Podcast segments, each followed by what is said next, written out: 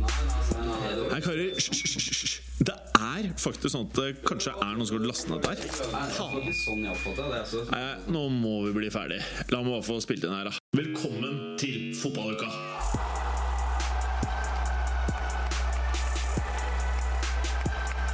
I dagens fotballuka skal vi innom noe så sjelden som en fet 0-0-kamp, som var mellom Arsenal og Liverpool, selvfølgelig. Så skal vi innom nok et 0-0-oppgjør, denne gang Paul Trafford, hvor United tok imot Newcastle. Terry treffer nok en gang overskriftene av helt feil årsaker, mens Pedro han viser hvor viktig transfermarkedet kan være i en vanvittig kamp på The Hawthorns. Vi skal så en pitstop utenfor Premier League for å se på et sykt Dortmund-lag, et Real Madrid som butter, og et Juventus som gikk på en smell. Så en titt på kommende PL-runde, før vi skal høre på vår nydelige tekniker Marius, som skal lære seg forhåpentligvis et nytt lag i England. Så ukas frekkas før konkurransen vår. Alt dette og veldig, veldig mye mer i fotballuka. Fotballuka leveres av appen Hoot, den digitale jungeltelegrafen. Ok, alle sammen. Eh, vi er tilbake, og i dag skal vi starte med toppoppgjøret Arsenal-Liverpool. Jeg vil veldig gjerne høre hva Morten Galaasen har å si om eh, kampen, for den endte jo 0-0. Det endte 0-0, og det var eh, første målløse på Highbury mellom disse lagene siden januar 99. Eh, 41 kamper med scoring mellom Arsenal og Liverpool eh, i, eh, i Premier League-sammenheng. Måtte jo bli 0-0 når først noen tvitra om det. Ian McIntosh skrev eh, tidlig i kampen at eh, dette ender aldri 0-0, dette blir minst 5-5. Men, det Tok var- seg selv i det litt etterpå. men det var en kul 0-0. Det var en utrolig fet 0-0-kamp, og i forrige utgave så var jeg spent på hvilket eh, Arsenal som kom på banen. Om det var laget som kunne finne på å tape hjemme mot Westham, eller et lag som vinner vanskelige bortekamper som mot Palace. Vi fikk begge. Preben, du så også denne kampen. Det gjorde jeg, og det var jo på mange måter eh, Hva skal jeg si første serierunde Arsenal som kom på banen. Nå skal det sies at Liverpool imponerte voldsomt. Uh, Syns de var aggressive. De spilte kjapt i lengderetning. Uh, Hvem, hvem på Liverpool eh, markerte seg, syns du? Jeg syns faktisk eh, Benteke var eh, veldig bra. Uh, viste noen sider som man ikke fikk vist altfor ofte i Aston Villa. Bjarne? Ja. Du vil helst bli kalt Kristoffer? Ja, vi kan godt uh, gå for det. Ja. Så Mhm. du kampen? Jeg så kampen.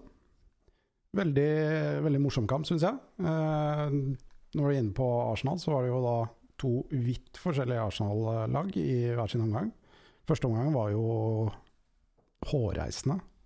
Andre omgang var ganske bra. Hva mener du med hårreisende? Nei, det var eh, ganske dårlig, nervøst. Eh, mye skyldes nok at eh, både Mertesaker og Korselny var ute. Chambers hadde jo et mareritt av en førsteomgang. Han gjorde så mye feil at Fordi det er jo noe som må nevnes her. At det er jo en nykomponert Eller et nykomponert stoppepar for Arsenal. Og det er jo veldig sjelden noen av de får spilletid i det hele tatt, men at de starter sammen, det er jo ganske vanvittig. Og det følte jeg i hvert fall kampen bar veldig preg av.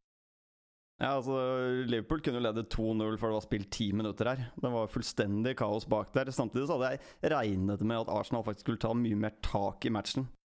Men samtidig, Liverpool kunne leda 2-0 tidlig, det er sant. Men så fikk de jo Ramsey scoring, som ble annullert. Eh, andre mandagen på rad at Liverpool har veldig flaks med en eh, linjemannsavgjørelse. Stemmer det, men hva med Coutinho? Hva med skuddene hans? Altså, eh, Den spilleren han er i ferd med å bli nå, da. Dette her er liksom det ypperste av det ypperste, eller? Ja, så Jeg blir liksom spent på hvor lenge Liverpool klarer å beholde den etter hvert. Ja, hvis han skal fortsette i den stimen her. Det er Plus et par storklubber som Pluss at. Ronaldinho driver og hauser opp hvor bra han hadde passa inn i eh, Barcelona, gamleklubben hans. Og det vet vi jo kanskje fort kan være noe som kan være en realitet. Definitivt. Ok, da eh, ser vi videre på et annet 0-0-oppgjør. Det var jo Manchester United, Newcastle United, det, Gallåsen. Ikke like morsom 0-0-kamp som eh, Arsenal-Liverpool, men den hadde sine momenter. Eh, Det ene er jo at Wayne Rooney endelig scora. Momenter? Det er ikke så ofte man hører. Jeg vet ikke om det er riktig å bruke det ordet, men vi, vi går for det. Vi klipper ingenting. Mange momenter. Ja. Altså, Rooney putta jo, men som eh, van Gaal eh, så elegant uttalte etterpå, det var ikke lov. Uh, igjen en offside-avgjørelse som eh, er tvilsom, men uh, utenom det så var det da første gangen Rooney hadde mer enn ett skudd Andre gangen Rooney hadde mer enn ett skudd på mål i en kamp, i 2015. Jeg vet ikke om det betyr at han er på vei. Jeg syns heller det vitner om at han, som vi sa i forrige utgave, ikke er spissen United trenger. Nei.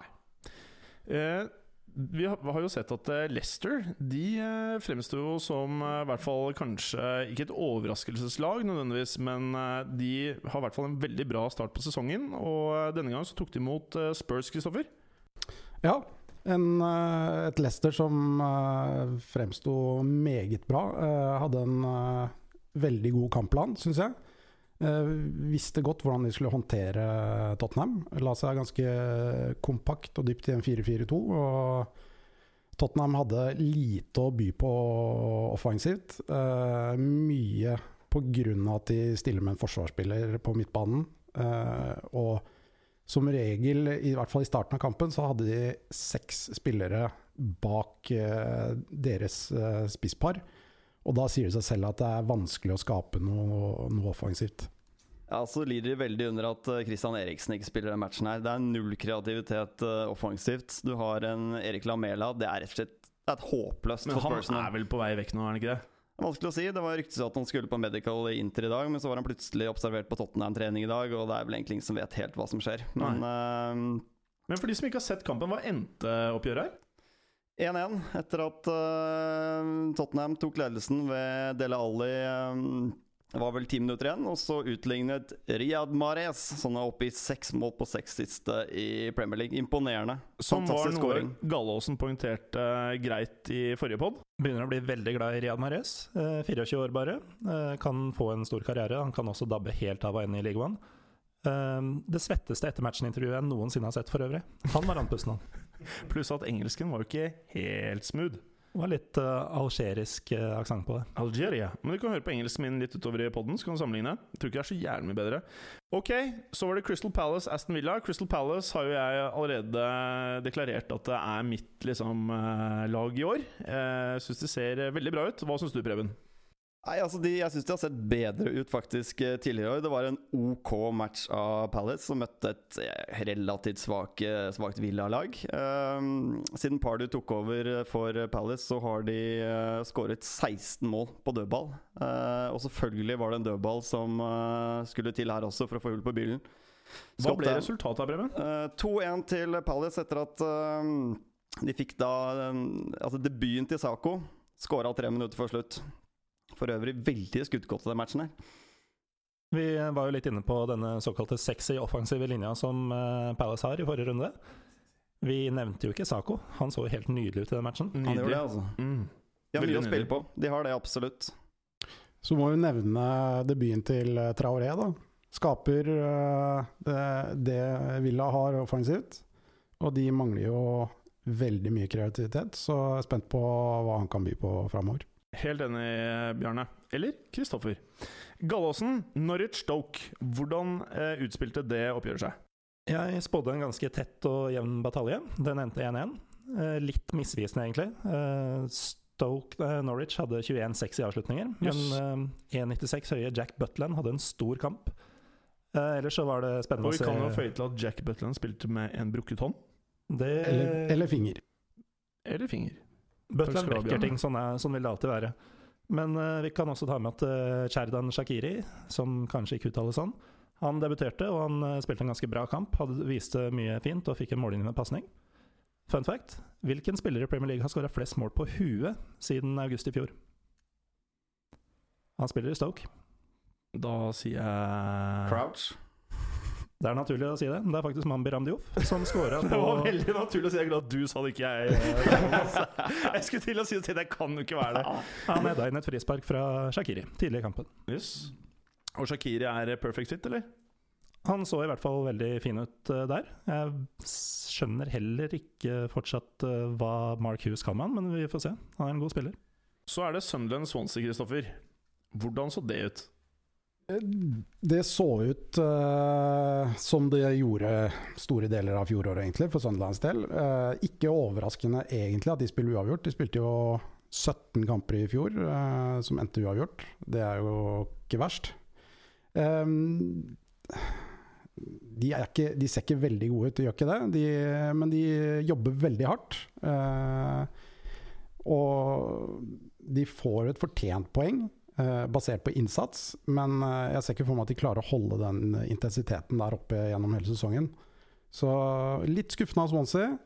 Eh, men Sunderland har kanskje noe på gang. Men de er fortsatt avhengig av å få inn noen spillere. Ålreit. Hva er resultatet? Det ble 1-1. Og det var Og det helt er- greit.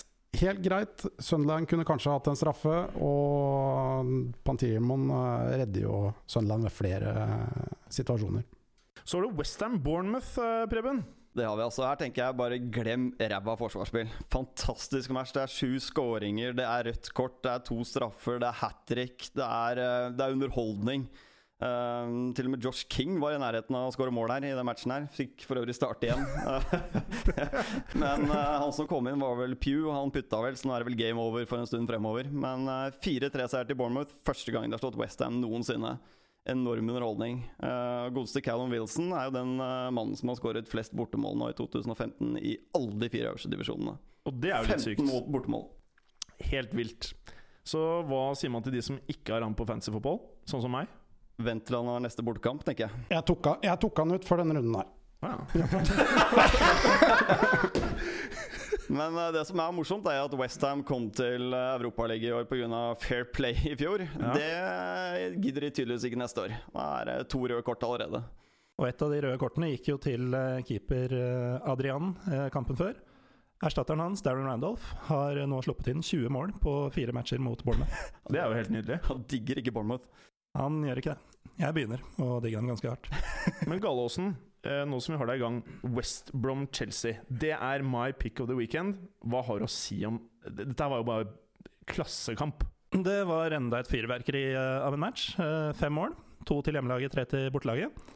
Det var også kan du si, debutantenes aften. Vi fikk se denne sagnomsuste Rondon for første gang, med den kuleste assisten så langt i sesongen. Oh yeah. Eh, Det var også en eller annen sånn eh, spanjol eller noe sånt, tror han kom fra Barcelona. Pedro heter han. Han, ja. Han hadde en helt ok match med både goal Men- og Vil du høre noe sykt? Introen på podcasten, jeg vet ikke om du har merket det, men der sier en viss person i studio Hæ? Pedro til Chelsea? Dette er lenge siden den ble spilt inn. Og den gang så calla vi det. Men uh, ja, bare litt fun fact. Ja, men det var fun. Eh, en annen fun fact om den matchen er at uh, Aspili Kuetas eh, seiersmål eh, kom etter 25 trekk. Og det er det lengste angrepet som har eh, resultert i scoring, i hvert fall, så langt i sesongen. Jeez. Preben? John Terry har vel ikke akkurat hatt noe kanonåpning på, på Premier League i år. Eh, nå blir han utvist, og det er jo en helt riktig utvisning etter sånn jeg ser dette her. Så jeg er spent på hvordan det blir fremover hvis Zuma kommer inn nå, om han beholder plassen fremover, og hva dette vil bety for John Terry utover sesongen. Ja, Om John Stones uh, blir kjøpt inn, hva, hva skjer da?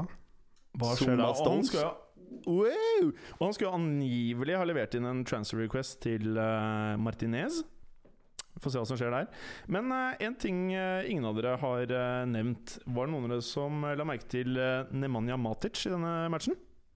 Ja, Han så da ganske svak ut. Lite mobil for han å være. Så han ser ut som han er ganske greit ute av form. Han og Fabregas, egentlig. Ja, og så er jo i hvert fall veldig mye av tabloidene i England nå maser om at Fabregas ikke er defensiv nok til å kunne være en del av en dobbel pivot sammen med Nemanja Matic. Det var ingen som nevnte det her i eh, fjor, når de bøtta inn mål. Da ble det i hvert fall kamuflert eh, uten at jeg fikk med meg det, i hvert fall. Men da var jo Nemanja Matic the shit, og kanskje Europas beste defensive midt. Men det reflekterer jo litt eh, formen til Chelsea generelt, tenker jeg. altså, det er vanskelig å dømme de basert på de tre kampene her. Det er fortsatt noen kamper igjen å spille.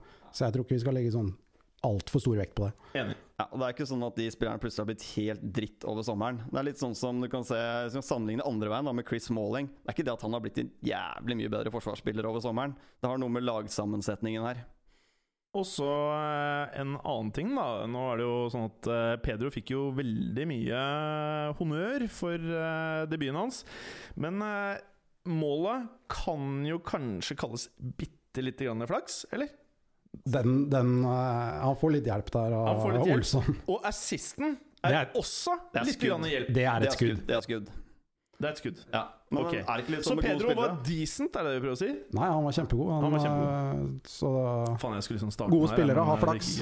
Han var heldig, men han produserer, og det er det som teller. Altså Jobber han hardt defensivt òg, så jeg tror han passer veldig bra inn i Chelsea-laget. Ja. Men hadde han passet like bra inn i van Hals? Nei, de trenger han ikke. Aldri vært interessert i han etter det jeg har hørt. Nei, Men var de keen på han? Ja eller nei? Jeg tror han var på en liste, men han var aldri førstevalget. Ok, Så var ikke dette choka? Tviler jeg sterkt på. Hvem var førstevalget? Neymar? Ifølge Woodward så får vi bare vente og se. Bale og Nermar var førstevalgene. Ålreit, vi må videre. Kristoffer, Everton Man City. Det var også en kongekamp. Hva syns du? Jeg syns det var en veldig, veldig morsom kamp. Uh, jevnspilt.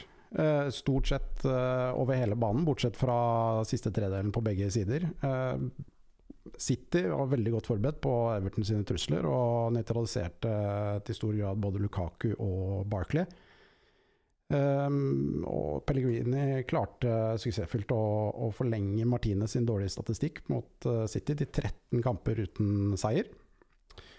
Så er det verdt å merke seg den offensive linja til City var veldig bra, syns jeg. Uh, Silva spesielt. Uh, han får mye, mye frihet nå som Stirling har kommet inn i laget, så han dikterer mye av spillet. Det at Stirling har kommet inn i laget, har vel fått Kolarov til å se ganske Han ser ut som et jævla beist. Ja, han gjør det. Det har vært kanonbra. Men uh, som vi nevnte forrige uke, så venter jeg fortsatt på at Kolarov skal bli testet. Enig. Så jeg gleder meg til de møter en ordentlig ordentlig bra høyreving, så får vi se hva han er uh, laget av. Nevnte du winstreaken til City, Kristoffer? Jeg nevnte ikke winstreaken til City. Hva er det, ni kamper på rad hjemme? Jepp. Og det er uh, rekk i det hele tatt. Rekk for City. All right. Og så er det siste oppgjør, Preben. Watford-Southampton. Noen 0-0-kamper er fete, andre er ganske kjedelige. Uh, her skjedde det ikke mye, altså. Det var uh, Pelé hadde et par uh, gode forsøk hvor blekkspruten Gomez fikk vinket unna. Men ellers så var det relativt kjedelig match. det er jo andre 0-0-kampen på rad hjemme nå for Watford. Southampton har bare vunnet én av siste ni Premier League-kamper. Uh, og Pelé har vel uh, skåret uh, på bortebane bare to Bare to av hans 13 mål har kommet på bortebane. Så det er et eller annet der. 0-0. Ikke den feteste kampen. Nei. Da er vi ferdig med å se på forrige runde, vi.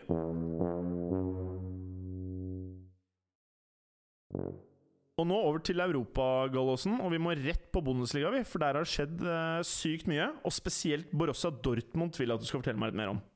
Dortmund med sin andre 4-0-seier eh, av to mulige så langt. Denne gang mot stakkars nyopprykka Ingolstadt. Med stakkars, Ingolstadt. Med stakkars, eh, må vi si, Ørjan Nyland uh, i mål. Stakkars Ørjan Nyland.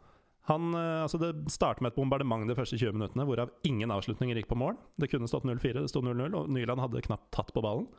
Uh, og så ebba det sånn ut i, til pause, og så eksploderte de andre. Litt sånn som de gjorde i Skien uh, for Dortmund. Uh, Ilkay Gundogan, magisk i denne kampen. Uh, Aubameyang putter igjen. tredje matchen på rad med scoring for han. Og On fire, ass. Ja, han er on fire, men han gir meg litt sånn Andy Cole-feeling. I den grad at han kommer til sjanser hele tiden. Brenner fort to tredeler av dem, men putter og putter likevel. Og så er han jo lynhurtig. Han er lynhurtig. Det var Cole også. Mm, ja. Men øh, det var jo øh, slik at Bayern München De startet med å ligge under, de, i en rekordrask scoring. Kevin Folland med tidenes raskeste Bundesliga-mål. en spillertype som har gått litt under radaren til de store klubbene, tror jeg. Veldig stort talent fortsatt, bare et par og tjue år gammel. så ble da Jerome Boateng utvist, noe han blir fra tid til annen. Neuer redder straffe på 1-1 ti minutter før slutt, og Bayern vinner. Selvfølgelig. Som ja. alltid. Og så er det litt tidlig å snakke om målpoeng og sånt nå, men Thomas Müller er toppskårer i Bundesliga akkurat nå. Og nykommer Douglas Costa, en spillertype som kunne passa på høyresida til United, uh, har nå to assist, og det er mest i ligaen så langt. Pent. Og så var det jo en kamp mellom Köln og Wolfsburg som heter 1-1. Det var det. Um, Wolfsburg tippa høyt av mange. Köln mista et par nøkkelspillere, bl.a. Wimmer til Tottenham. Eh, tar et poeng. Målskårer for uh, Wolfsburg for øvrig. Bayern-døder Niklas Bentner. Uh, jeg har en ting til fra Tyskland, fra andre nivå. Eh, for et supporterhjerte som mitt så fryda jeg meg å se at RB Leipzig røyk hjemme mot eh, St. Pauli med 1-0. Å, det fryder meg, ja. en seier for ekte fotball. Ekte fotball. Men var det noe ekte fotball i league Ø? Det var jo det. Eh, det vi håper skal være den eh, ekte tittelutfordreren til eh, det litt plastikkaktige PSG, Lyon. De gikk på et overraskende hjemmetap mot Rennes. hvor Medi Zefan, som har spilt tolv år i Lyon, han ble selvfølgelig matchvinner for Rennes. Mapo Yanga Mbiva han, han debuterte for Lyon og mista ballen på 0-1-målet. Mens en annen nykommer, Rafael, var frisk og hadde målgivende på målet. Men det var et veldig overraskende resultat. Eh, Går det bra, Jim? Det går veldig bra. De som hører på, så faktisk ikke trynet ditt mens du skulle uttale det der. Og det var like fett som selve uttalelsen, men nå må jeg proffe her. Ja, vi må det. Uh, samtidig da, så vinner eh, Paris Saint-Germain oppskriftsmessig, får vi si. 1-0 borte mot eh, Montpellier, men ikke uten problemer. Uh, de var uten Zlatan, Di Maria og Verratti.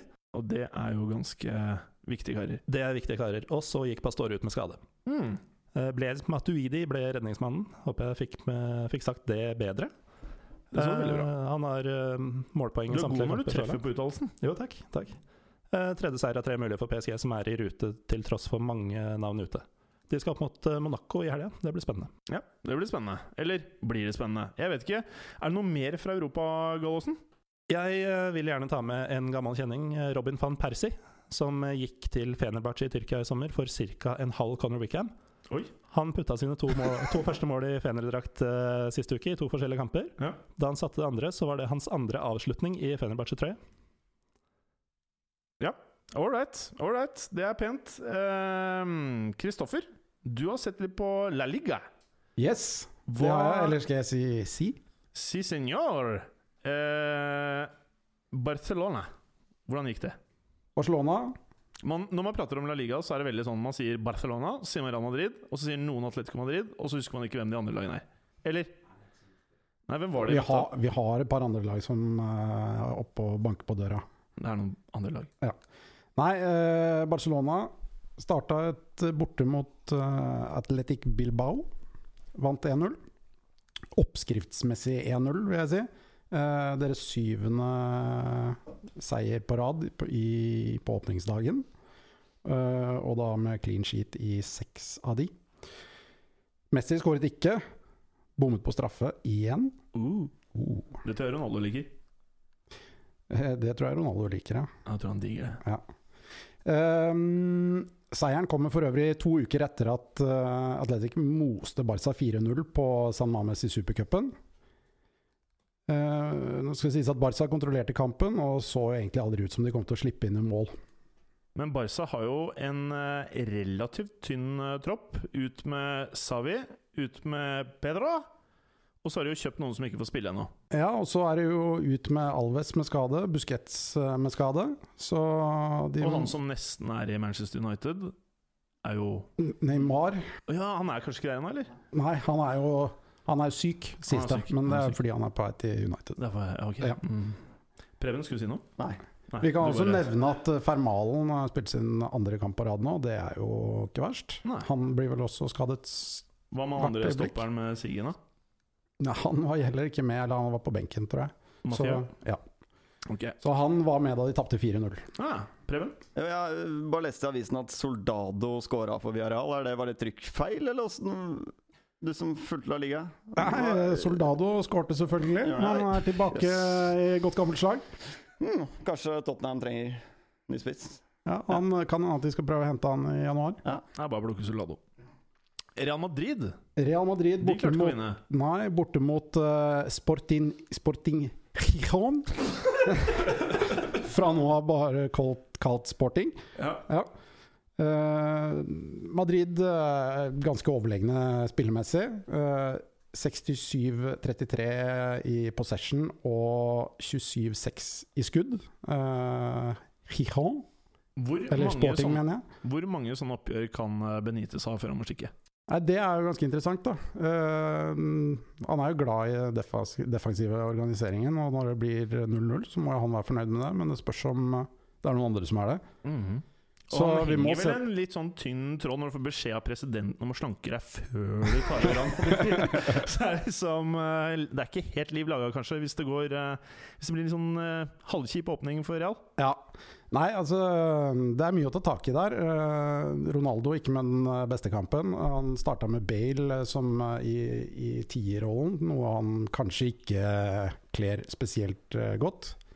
Så de gangene Bale eh, ble flytta over på venstresiden, så han mye giftigere ut. Det var jo et annet lag fra Madrid som spilte også. Atletico Madrid uh, slo Las Palmas 1-0. Ja.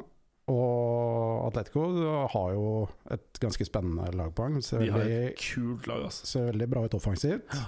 Og vi vet jo alle at de er bra defensivt fra før av. Så det blir spennende å følge dem. Uh, Grismann med scoring etter 16 minutter. Uh, Og så har han fått eh, ikke en fet sveis, men han ser ikke like heavy ut som han gjorde i fjor. nei, det er Den sant. Den er litt mindre sånn tørreskurt. Ja. Mm. Men det skal sies at begge, begge Madrid-lagene spilte jo mot nyopprykkede lag. Og begge kunne jo egentlig tapt. Uh, Las Palmas hadde to i treverket. Eh, kunne fort eh, endt med poengdeling eller tap. Eh, selv om de så helt klart best ut. Så må jeg sette deg on the spot. Kan Atletico Madrid ta La Liga i år? Det tror jeg. Ok Jeg tror de kan være med Dette hele, skal vi huske alle mann. de kan være med hele veien. Eh, en annen ting som er verdt å nevne, er at det kun ble skåret tolv mål. Alle kampene samlet. Ti kamper. Det er uh, new low. Nye Serie A. Nye Serie A. Spansk fotball er døvt, ass. Ja. Preben, du har sett på eh, italiensk fotball i helgen, du. Har Og du var helt ekstase over det som skjedde der. Her skjedde det mye rart, altså. Juventus de eh, gikk på en smell hjemme mot Udinese i første serierunde. Tapte 1-0 på hjemmebane. Det er faktisk første gang Juventus taper en serieåpning på hjemmebane. Um, Altså, ja, ok. ja, og det er, um, det er kun fire lag som har vunnet Scudettoen uh, etter å ha tapt åpningsmatchen. Det er faktisk Juventus to ganger og Torino to ganger, så, det er, uh, så lenge det er Torino-området her, så er det kanskje håp. Men de dominerte jo matchen uh, og burde jo vunnet. Men det er klart de merker jo at TVs Vidal, uh, Pirlo ikke minst, er borte. Men var det sånn at Dybala ikke startet? Det tror jeg ikke. Nei, han gjorde ikke det. Uh, og de har jo sikret seg Cuadrado på lån.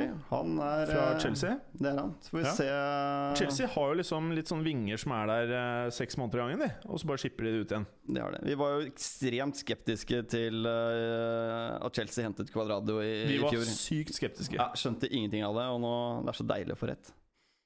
Og så Eh. var det jo eh, et Fiorentina som uh, stakk av med seieren mot eh, AC Milan. Altså Det er jo fordelen til Ventus her, da, at stort sett alle lagene Altså alle de lagene som skal være i toppen, gikk på noen blemmer. Og det gjorde også Milan. Et ganske nytt Milan, med, som man blant annet blæsta mye av det, 22-23 millioner euro på Romagnoli, som skal være den nye Nesta.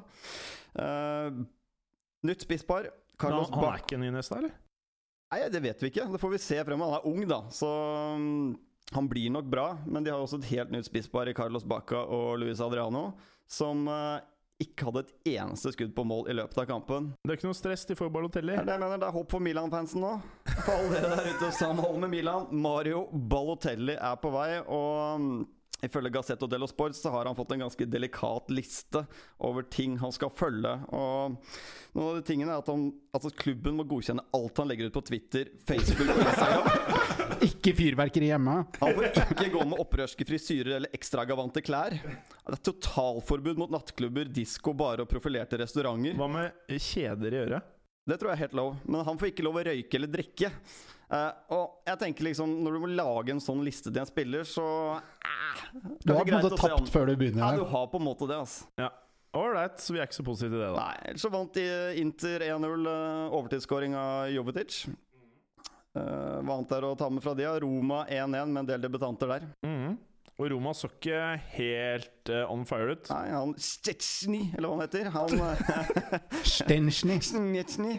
Han uh, leverte et par kanonredninger, faktisk. Så Alright. god kamp. Jeg takker for det.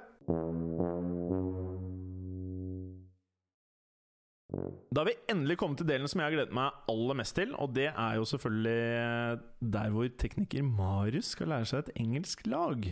Yes. Hva er det du har tatt for deg i dag, Marius? Det, I dag blir det et heidundrende fotballag som jeg gleder meg til å fortelle masse om. Det er Sunderland. Uh. Skal jeg bare kjøre på, eller? Jeg vil veldig gjerne at du bare gjør det. Alright.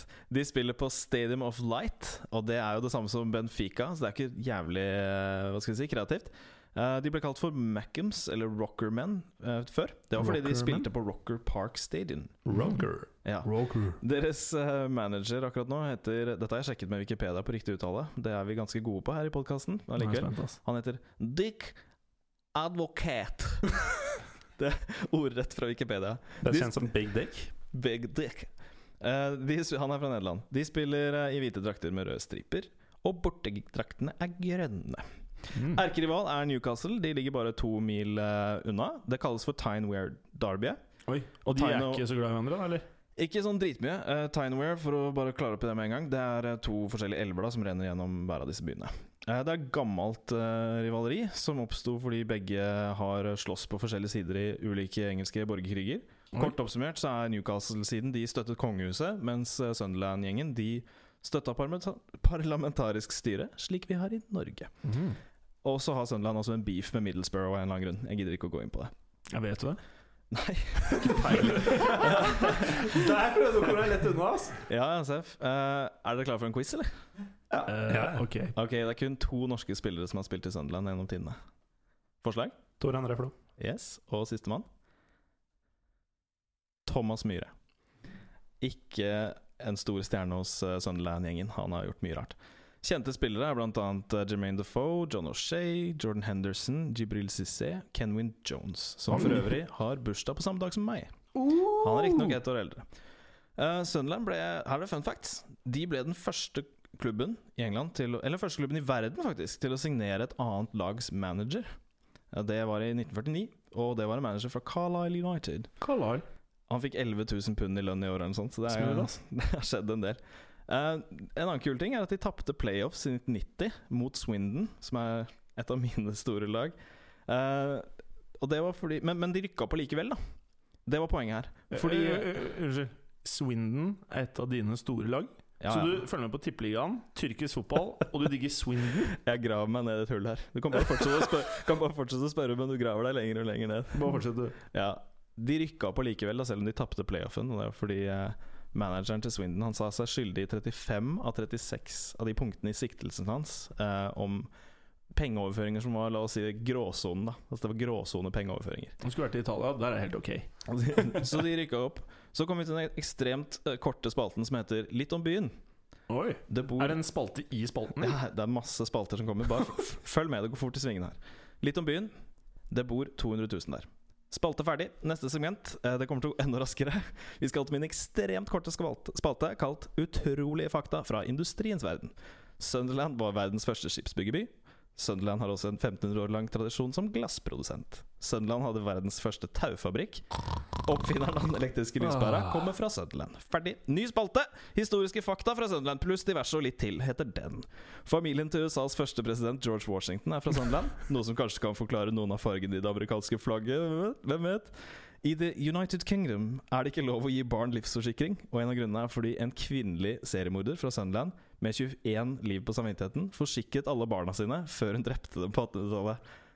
Nei, hun her- hadde ikke 21 barn hjem. Hun hadde ikke det. Ny spalte! Ny spalte! Å, fy faen. Teite ting fra Sunderland. Det er siste spalte. De har et sjøfly som er oppkalt etter seg, som av alle ting kalles The Sunderland Flying Boat. Jeg digger den engelske uttalen din. Er det sånn Swindon, eller? Ja. The Sunderland. Flying Boat. It's a plane.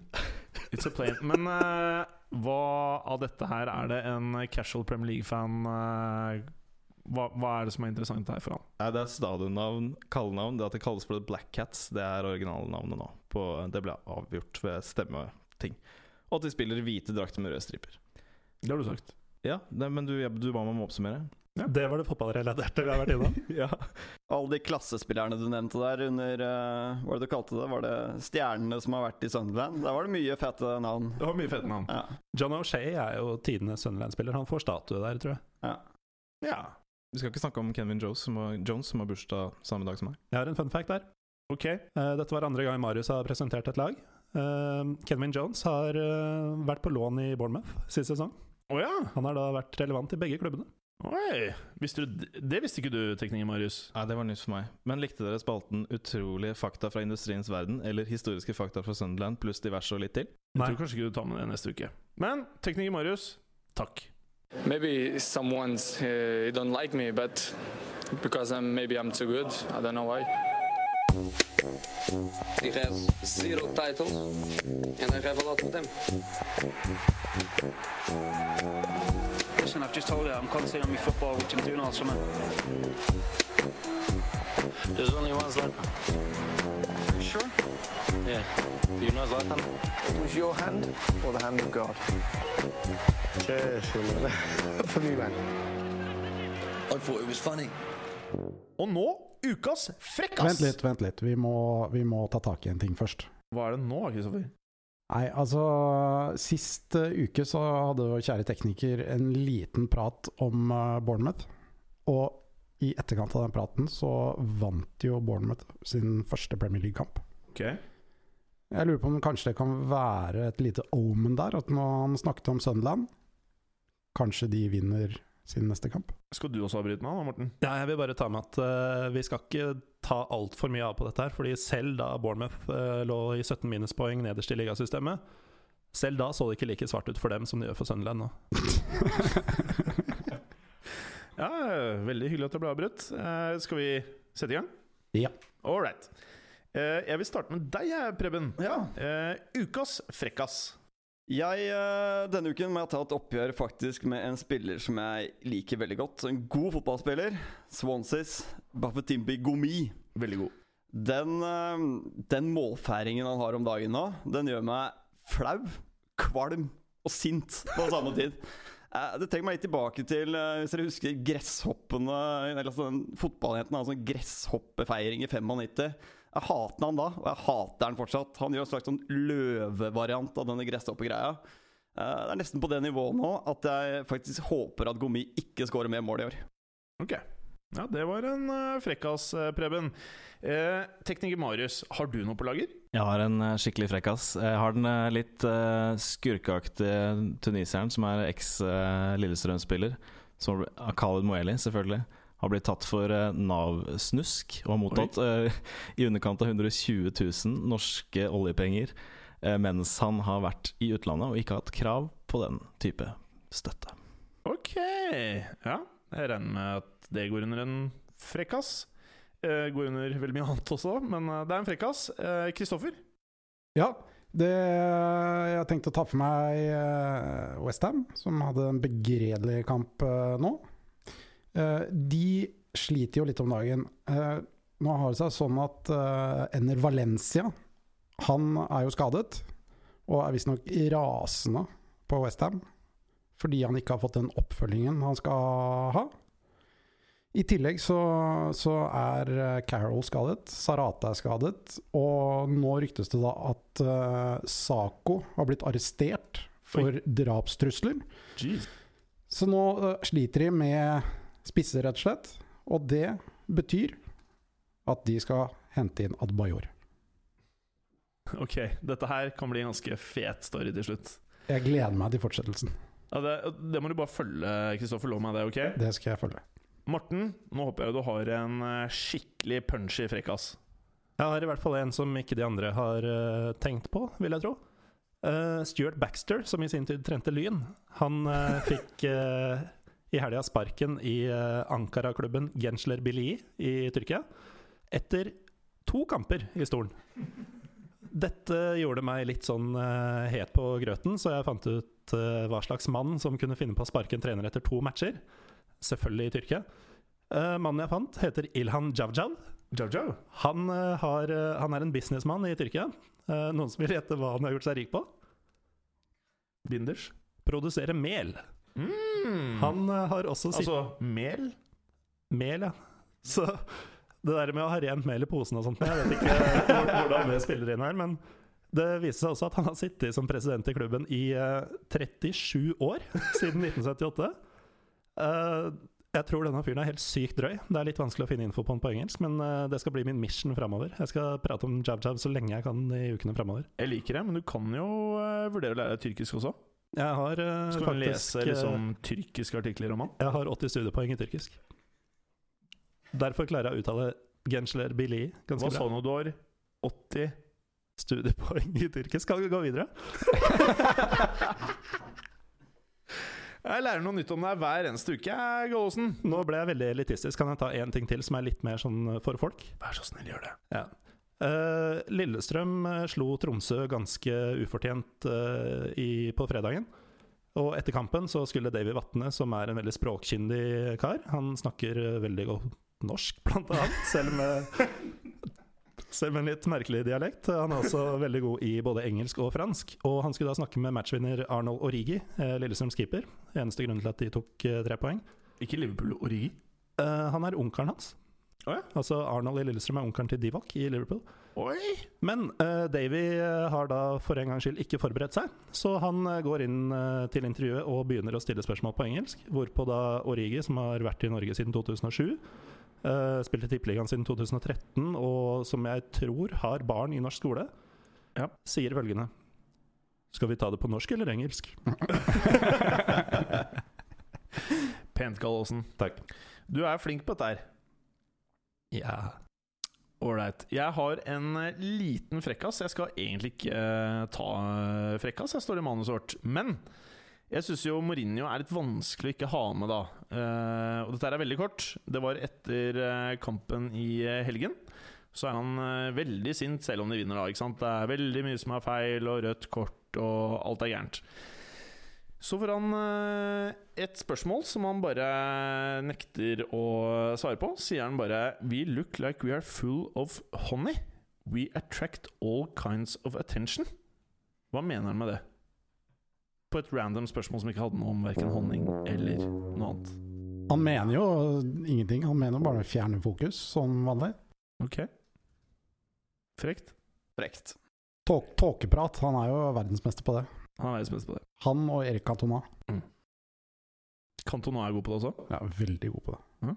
Alright. Trålere og måker var det han hadde å snakke Ja. om da han visstnok hinta om å legge opp. Like før han la opp. Pent. Da føler jeg vi egentlig er ferdig med den delen her. Nå skal vi se på eh, kommende Premier League-runde, Gallåsen. Eh, Jeg syns det er naturlig at vi ser litt eh, ekstra på Chelsea Palace. jeg. Føler at Basert på det vi har sett av de to lagene her, så er det to lag som ikke nødvendigvis man kommer til å forvente at holder nullen. Det er to lag som kan score mål. Det kan skje ting som er uforutsigbart. Hva tenker du? Nei, det er sånn som du sier, det blir mål i kampene deres. Faktisk så har eh, begge lagenes kamper, eh, eller alle kampene begge lagene har spilt så langt, endt med tre mål eller mer. Eh, Så vi kan forvente et spennende oppgjør. Det er to lag som kan være eksplosive framover. Det satt jo endelig for Chelsea framover, i hvert fall mot West Brom sist. Pedro var strålende i debuten. Eller vi landa vel aldri på om han var helt grei. Vi konkluderte på at han hadde eller? litt flaks, men vi Ja. likte han for det, altså. Ja da. Så eh, med litt flyt for Chelsea, så kan Joel Ward og resten av det defensive hos Palace få en ganske stri turn. Stri turn, Preben. Det tror jeg også forsvarsrekka til eh, Chelsea kan få under kampen. Jeg tror det blir sånn Jeg tror begge lag kommer til å få kampen egentlig inn i det sporet de ønsker. Chelsea med at de styrer spillet. eh, Palace som vil ta kontringene. Ivanovic kan nok en gang få en ganske svett kveld hvis han i det e- hele tatt spiller. De har en ny signering. Og jeg tror du han kanskje Ja, jeg ser for meg at de kanskje kan kjøre Aspelik Goeta over på høyrebekken og han nye Abdulrahman Baba inn på venstre. Det Baba er blir spennende. Og så er jo, tror jeg kanskje det er litt hell for Chelsea at Terry er ute her. Så Zuma med farten kommer inn. Så Eller kan Ivanovic starte uh, i midten? kan være han vurderer det også. Men uh, hadde jeg vært Marino, så hadde jeg kjørt inn Zuma. Hadde du kjørt inn Zuma, Bjørne? Jeg hadde kjørt inn eh, Zuma. Men det som er verdt å merke seg, er at det er den hundrede hjemmekampen eh, til Mourinho for eh, Chelsea. Og han har kun tapt én av de kampene. Ja, syke stats. Og det er ganske sykt. Det tilsier at eh, jeg tror ikke tap nummer to kommer denne gangen heller. Og Palace har jo da kun, kun sluppet inn ett mål i hver av sine syv kamper. Altså de har sluppet inn ett i alle syv, da. Eh, På de fire siste møtene har Chelsea tre seire og Palace én. Og ingen av lagene har vunnet med mer enn ett mål siden Palace tok steget opp i den øverste divisjonen. Og så er det en liten ting til, som kanskje er litt overraskende. Det er at Chelsea til nå i Premier League er det laget som har sluppet til flest skudd på mål. Oi. Foran et lag vi eh, ikke er så veldig glad i om dagen. Det er søndagen. Interessante stats, det. Eh, hva med Newcastle-Arsenal, da, Morten? Nei, nå var jo Peter Cech eh, endelig det som han var uh, henta inn for. Han oste av confidence. Eh, samtidig så virker Newcastle veldig tannløse. Eh, de har eh, eh, 15 avslutninger eh, så langt i sesongen, eh, mens Arsenal har eh, 40. Så jeg tror, jeg tror ikke Newcastle vil være i stand til å score på Arsenal. Eh, de har også kun to hjemmeseiere i 2015. eh, Mens Arsenal har vunnet de sju siste oppgjørene mot Newcastle. Så jeg tror eh, Arsenal nå Det de viste i andre omgang mot Liverpool, var veldig sterkt. Jeg tror de tar en seier her. Ja, Det har sikkert litt å si hvem som starter i forsvarsrekka også, vil jeg tro. Men eh, hvis Petter Czech leverer det han gjorde sist, så mm, kan det vel funke uansett. Giro har også en eh, vane for å skåre mye mål på Newcastle. Han har skåret åtte på de siste seks. Så Giro inn. Da blir det mål. Og så føler jeg litt at eh, det ligger litt i kortene at Sanchez skal få eh, noen mål fremover, altså. Jeg følte bare mot Liverpool, så det, det var close mange ganger. Han var god, og det løsner nok snart for han. Løsner nok snart for han, men eh, kan ikke du, Kristoffer, bare fortelle litt om eh, eh, Aston Villa Sunderland? Du digger jo Sunderland, gjør du ikke? det? Jeg digger Sunderland. Uh, Sunderland digger ikke Aston Villa. De har ikke skåret mot dem på de siste fire kampene, uh, og kun ett mål på de siste syv møtene. Det borger ikke for veldig mange mål for de i denne kampen heller. Villa har jo ikke sett fare eller fryktinngytende ut, de heller. Men uh, Agbon Lahore har faktisk skåret fem på de siste fem møtene, så spennende å se om han nå kan uh, putte på litt. Men kommer han til å ha samme bart? Håndverkeren? Ikke det at det er noe gærent ved håndverker. Nei, nei. Nei, vi syns jo ikke det. nei. Men han ser jo ut som en håndverker. Han gjør det. Han gjør jo det. Ålreit, da syns jeg at eh, vi egentlig bare skal gå rett over til Bournemouth-Lester, Preben. Ja, Om Villa og Sunderland eh, kanskje blir målfattig, så har jeg trua på den eh, kampen her. Eh, alle tidligere åtte ligamøter har endt med ettmålseiere. Det kan du fort gjøre denne gangen også. Jeg tror det blir jevnt. Eh, jeg tror det blir mål. Eh, Leicester har vunnet fire på rad i ligasammenheng mot Bournemouth. Det har da lite psykologisk overtak sånn sett. Spiller å se opp for her. Mares, som har vært inne på, seks på siste seks i Premier League. Goller han igjen, eller? Har trua. Han virker farlig hver gang han har ballen når han kommer fra skjær inn fra høyrekanten. Så her. Fantasy Managers. Kjøp Mares. Kjøp For- Mahrez. Fremdeles. Han har ikke steget for mye pris, liksom. Mm. Nei, foreløpig ikke, etter det jeg har sjekket i dag. Nei, Ålreit. For vi gjør det jo jævlig bra på fantasy. Ja. Men jeg har Leicester som en, eh, faktisk en knapp favoritt der. Jeg syns Leicester har sett bra ut over en lengre periode nå. Ja, Bra. Ålreit. Da er det jo eh, et lag som vi så mot eh, Arsenal i helgen, eller på eh, mandag, som så veldig sexy ut i første omgang. Klarer de å ta med seg videre på hjemmebane mot Westham, Morten? Jeg tror det. Westham ser ut til å være i all mulig slags trøbbel. Både de matchene som har vært så langt, det som Kristoffer var inne på i forrige spalte. De har elendig statistikk på Anfield. Null seire her på 42 kamper. 31 av disse er tapt. Eh, så har vi også Benteke, som jo, som vi var inne på tidligere i dag, ser mye mindre begrensa ut enn kanskje mange har trodd. Han beveger seg mer, han dribler av mann. Han, eh, han er rett og slett eh, keen på å vise seg. Og han er en atlet. Altså Han er supermobil, han er supersterk. Han løper på stort sett alt, synes i hvert fall jeg. Og jeg føler at det der at man skal erstatte Suárez, det har blitt en litt sånn rar debatt, føler jeg. For du kommer jo ikke til å få en ny Suárez, mest sannsynlig da. Eh, og da er det jo hva er det closeste Eller hva er det du kan hente inn som kan kompensere, som kan funke i et Liverpool-lag? Og da mener jeg i hvert fall en arbeidshest da på topp. Det er viktig. Og så har du magien eh, til Suárez, er jo i ferd med å bli skapt av en stadig bedre Coutinho. Magien til Til eh, Suárez. Ok. Ja. Nei? Nei, men Ja. Coutinho ser bra ut, og det er spennende å se hva Firmino om han tar ytterligere et steg nå i denne matchen. Jeg syns han var eh, ganske bra jeg, eh, mot Arsenal. Så jeg er spent på å se utviklingen hans videre nå når han blir vant til engelsk fotball. Men jeg vil ta, gjerne ta med at uh, nå går det rykter om at Lucas uh, skal ut før overgangsvinduet stemmer, noe jeg syns virker litt rart. Han har spilt en del, og Henderson er skadet på litt sånn der uviss uh, lengde. de ser ikke altfor gode ut på den sentrale midtbanen der, så er det noe i emning innover? Jeg vet ikke, men eh, det der med tapet av Henderson, det er, eh, det er, det er big deal for Liverpool. Sånn er det. Eh, for de har jo ikke Jar lenger. Men jeg syns vi bare skal gå over til Manchester City-Watford, Kristoffer. Ja. Blir dette her masse mål og Aguero med hat trick og Jaja med frispark fra midtbanen og sånn? Hva skjer? Altså Det blir jo den desidert tøffeste oppgaven til Watford så langt. Og de har kun tre seire på bortebane av 39 kamper i Premier League. Eh, jeg ser ikke for meg at det, blir fire nå. Eh, City blir nok altfor sterke, og Norwich får ganske store problemer med å hanskes med offensive kraften til, eh, til City.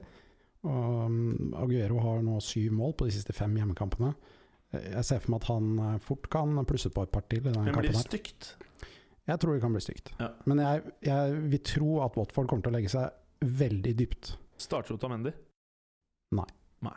Kjærlig. Men jeg ser for meg noen skikkelig hockey-powerplay altså, i Mm. den matchen der. Ja. Så får bare Watford håpe at uh, Aurelio Gomez drar frem det han kan av og til. Ja. Ålreit. Så vi tror på overkjøring. Hva med Stoke West Brom, eh, Preben? Der eh, tror jeg også faktisk på overkjøring i denne matchen òg. Uh, Stoke har vunnet mer oppgjør mot West Bromwich enn noe annet lag i, i Premier League. Syv ganger har de har slått Bromwich. Eh, West Bromwich har fem mål på tol- tolv kamper mot Stoke totalt. Uh, den her tror jeg faktisk Stoke tar ganske greit. Ok. Ja. Eh, Spurs Everton, Gallåsen. Eh, Litt sånn samme følelse for den kampen som jeg har for eh, Bournemouth-Leicester. Det er en tippers mareritt. Det er eh, umulig å spå. Tottenham har statistikken på sin side. Eh, 4-2-0 på siste seks mot Everton hjemme. Og tre av de fire siste her har Everton gått målløse av banen. Så sånn sett så ser det jo greit ut for Tottenham, men det er mye som ikke ser greit ut for Tottenham også. Jeg tror egentlig at Everton har en fair mulighet her. Det ble 2-1 til Tottenham i fjor. Jeg tror det blir et ja, 2-1 til ett av laga. Ganske bold prediction. Uh, Southampton, uh, Norwich, Kristoffer. Ja. Kommer Southampton endelig til å vise litt av fjoråret i denne matchen her? Jeg er ikke så sikker på akkurat det. Uh, Norwich har sett overraskende bra ut så langt. Eh, jeg tror vi kan få en ganske jevn kamp. Eh, Norwich vant eh, komfortabel mot, eh, mot Sunderland, og burde jo også ha slått Stoke eh, nå sist, så de, jeg føler de har litt flyt. Soton har hatt en nølende start på sesongen, og som Preben var inne på, så er de ikke i veldig god form. Heller ikke på slutten av sesongen i fjor. Så, men det er nok avgjørende for Southampton at de nå finner tilbake til eh, formen de hadde tidligere på sesongen i fjor, for at de skal kunne være med å kjempe om eh, topp seks. Kjempe om topp seks, ja. Men Swansea, Manchester United, Preben. Jeg tror kanskje det kan bli rundens kamp, jeg. Kan det absolutt eh, bli. Swansea er jo normalt slitt med Manchester United, eh, selv om de i fjor klarte å komme tilbake og vinne begge matchene, både hjemme og borte. Eh, Spørsmålet er jo om Manchester United klarer å skåre mål. De har gått målløse av banen tre av de fem siste bortekampene de har spilt i Premier League.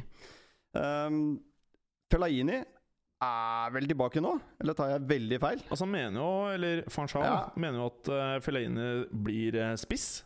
Eh, og Rooney har jo ikke akkurat sett eh, veldig hot ut, så hvem vet? Kanskje er det Fellaini på topp, eller? Drillo-fotball, da. Drillo. Da blir det langpoling fra bakre rekker opp på Fellaini. Og Åh, flikke gjennom. Det blir deilig meg. å se på. Men eh, nei, jeg håper det blir noe mål her. Det Hvis gjør du jeg. Det er bruker bare- 250 millioner eh, euros på spillere, og så velger du å kjøre langballer til Fellaini, hva sier du som supporter da? Nei, jeg tror ikke en United-sporter syns det er spesielt gunstig. Det er vel heller ikke den fotballen de er vant til å se eller ønsker å se. Men eh, jeg tror også etter de to siste sesongene at for United-fans så gjelder det først og fremst å henge med i toppen og knipe seg fast der og håpe at spillet kommer etter hvert. Farlig tankegang, men jeg tror de er litt der. Altså For kampens del så håper jeg faktisk at Swansea får et tidlig mål. Jeg. Så United må våge litt mer. Uh, har vært inne på Gomi tidligere her, så får håpe det ikke blir han som skårer. da. Men i hvert fall så vi får åpnet opp matchen. Det tror jeg er viktig. Hvis ikke så kan det fort bli litt stanging og 0-0-oppgjør. Stanging og 0-0, det håper i hvert fall ikke jeg på. Jeg takker for det, folkens.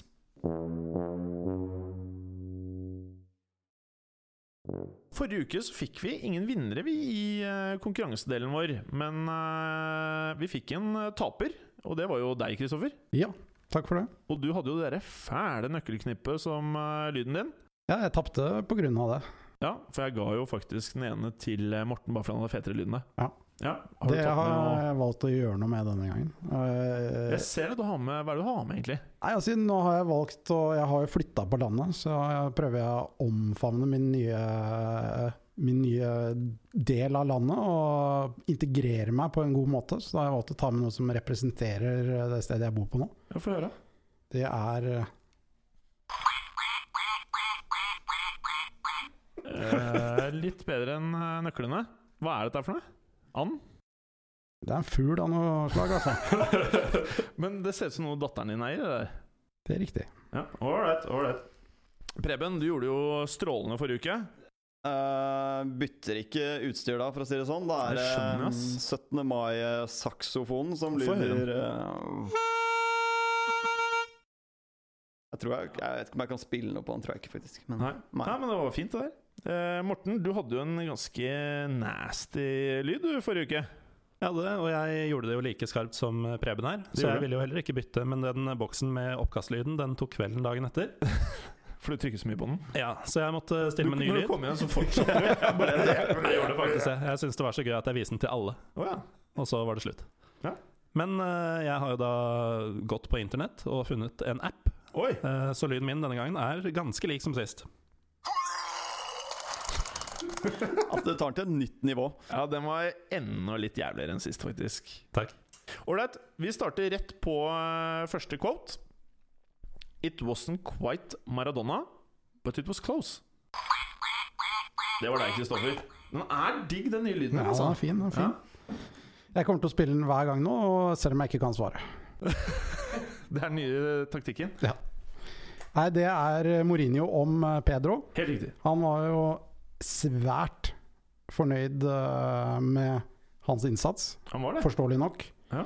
Det kunne også vært eh, Mark Hughes, som hadde snakket om uh, Mambiram Diouf, som prøvde å skåre med hånda mot Luton i går. Ikke snakk til ikke som begynner å trekke poeng her. Du får Victor Mourinho. Det var helt riktig.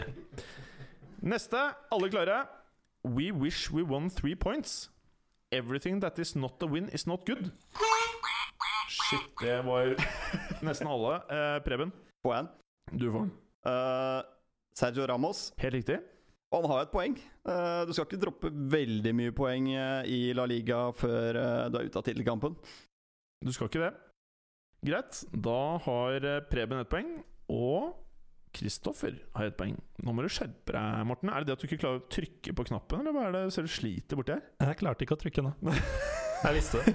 Og jeg syns det er lov å ønske seg tre poeng i en kamp hvor du løsner 27 skudd. Du må rigge deg til, du. Ok, neste. The pitch is in a bad state. When Barcelona come down here, they should know it's not that way just for them.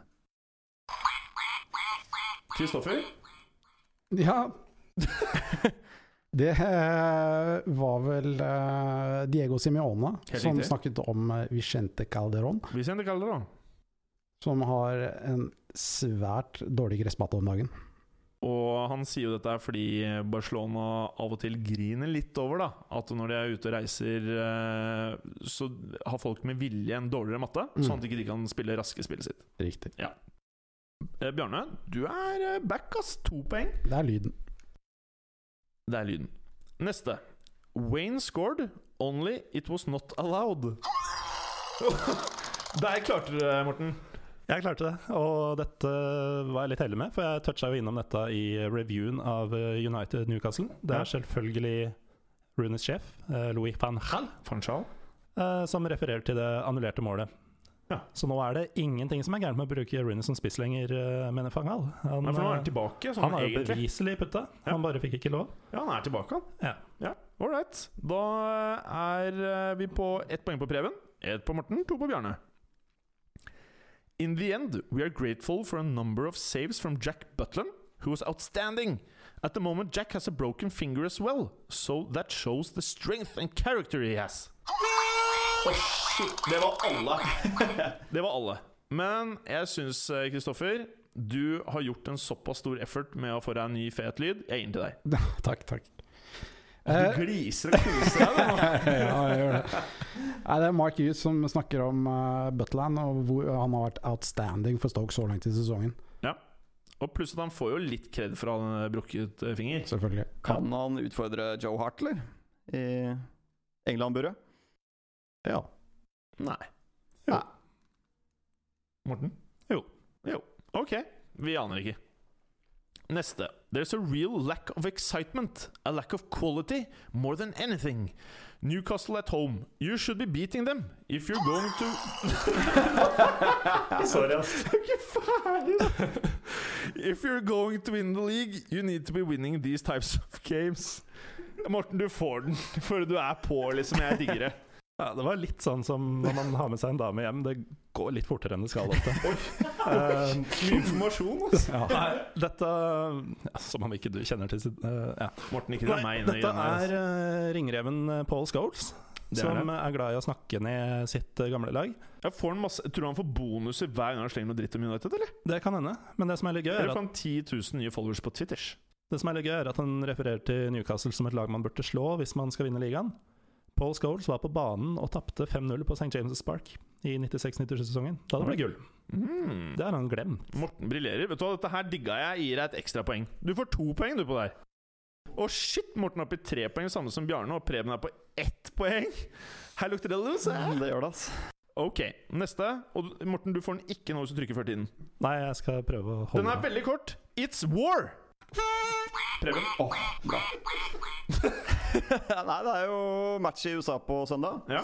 Galaxy mot uh, New York City. ja. Gerard mot Lampard. Yeah! Og det er Steven G. Steven som, G. uh, ja. Helt riktig, men eh, hva skal vi legge i dette her? Tror du de gutta egentlig mener It's War, eller er det bare ok, litt sånn mediegreie? Eh, mediegreie. Mediegreie. Det er ferie.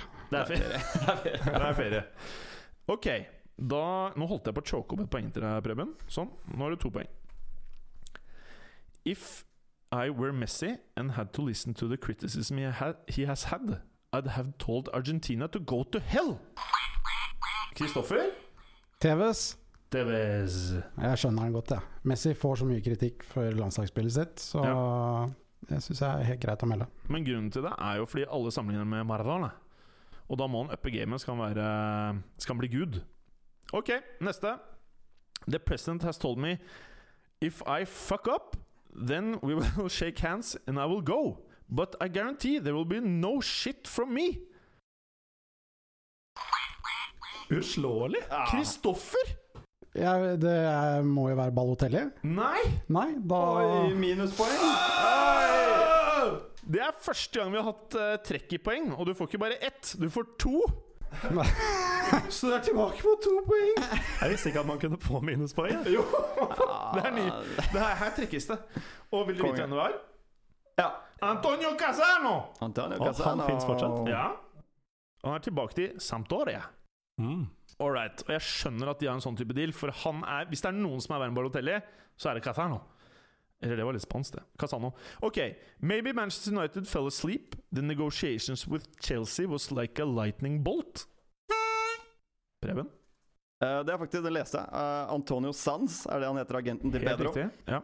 Mener Jeg liker at, eh, agenten. Han jobber i selskapet som representerer han. ja, Det var poengtert. Han var ikke agenten. Ok, han var ikke agenten, ja. Ja. Riktig. Men han uh, Skal jeg gi deg et trekk? Nei, du får poeng. snakket med spansk radio, i hvert fall. Det har jeg fått med. Ja. Og sagt at ja, det du sa, egentlig. Ok, fett. Da har du tre poeng. Shit, Bjarne er på siste med to. Mm. Han snur fort, altså. Kanskje jeg blir loser igjen. I am similar to Ronaldo Dalima. I in my cold-bloodedness. Morten. Æsj. Det er forresten ganske nasty. Den er verre enn sist, er den ikke det? Jo, mye Jo. verre. Uh, en som er verre enn Ronaldo Dalima, er eh, Carlos Bacca. Carlos Bacca. Er det han? Det er Carlos Bacca. Ja, jeg syns det var en ganske frekk uh, sammenligning. Ja, han øh, sa det egentlig på en ganske ydmyk måte, men jeg dro det frem sånn at det skulle høres litt ekstremt ut. Men det er helt riktig. Men jeg syns det er litt synd at uh, man fra nå av må tydeligvis referere til originale Ronaldo, hvis du vil, som Ronaldo da Lima. Jeg er helt enig. Men hvis ikke så hadde man tenkt CR. Ok, neste. Kom igjen, karer. Nå må dere on, ass. Spesielt du, eh, Bjarne. Du har jo vært off. no one should doubt Ed Woodward.